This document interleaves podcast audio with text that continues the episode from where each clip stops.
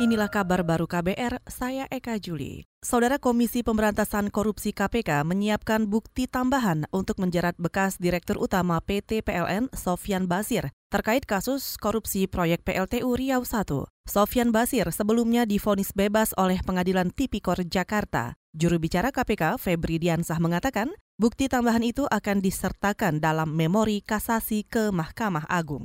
Hari Jumat kemarin kami sudah ajukan secara resmi kasasi terhadap putusan eh, dengan terdakwa Sofian Basir. Intinya ada beberapa hal yang sudah eh, kami dalami lebih lanjut, tapi nanti kami tuangkan ya di memori kasasi dan ada waktu sekitar 14 hari nanti untuk eh, bisa menyelesaikan dan menyerahkan memori kasasi itu ke Mahkamah Agung.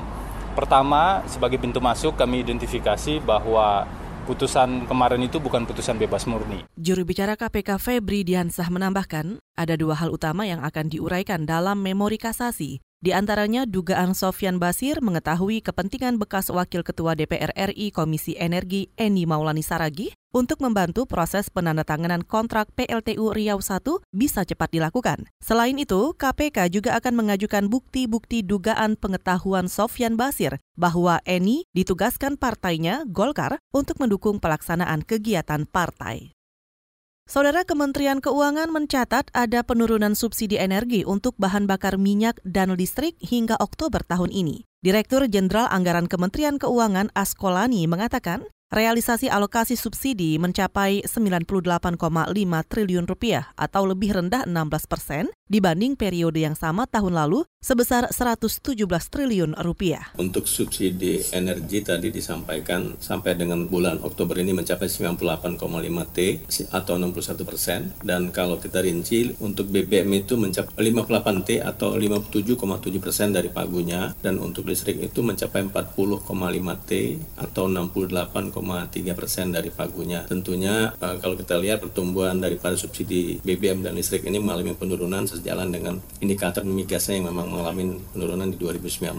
Dirjen Anggaran Kementerian Keuangan Askolani menambahkan, khusus untuk pos belanja di tahun ini, pemerintah lebih besar mengalokasikan untuk kebutuhan belanja kementerian dan lembaga. Dengan komposisi itu, pemerintah akan berusaha melakukan efisiensi, yakni penggunaan anggaran untuk belanja-belanja produktif hingga penghujung tahun ini. Turunnya subsidi energi tahun ini antara lain karena ada fluktuasi harga minyak nasional.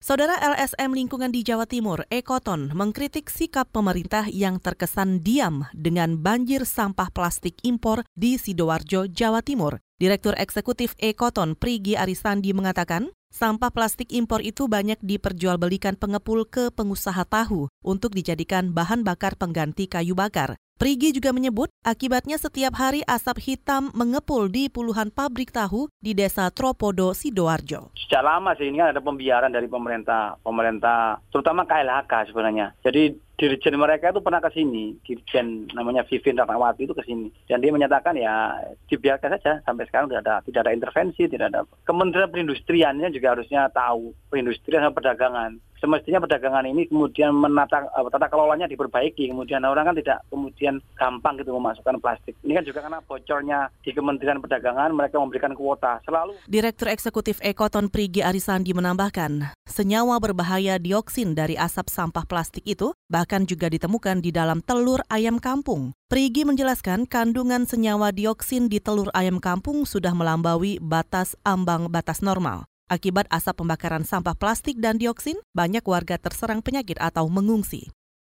Kita ke Sumatera Utara. Pemerintah provinsi ini akan menempuh jalur hukum terhadap masyarakat yang masih membuang bangkai babi yang terkena virus kolera. Gubernur Sumatera Utara Edi Rahmayadi menyayangkan masih ada warga yang membuang bangkai babi di sungai atau tempat sampah di pinggir jalan. Saya terpaksa akan tegas pakai jalur hukum karena sebenarnya kasihan juga ya udah dia binatangnya mati kita hukum lagi gitu tapi bukan karena binatangnya karena kelakuan membuangnya itu itu membuat orang kan tidak nyaman. Gubernur Sumatera Utara Edi Rahmayadi memastikan pemerintah provinsi siap membantu peternak yang kesulitan mencari lahan untuk menguburkan bangkai babi yang terkena virus kolera. Dinas Kesehatan Sumatera Utara juga meminta Kementerian Kesehatan agar mengirim vaksin untuk mencegah agar kolera babi tidak menyebar ke wilayah yang belum terkena virus. Saudara demikian kabar baru, saya Eka Juli.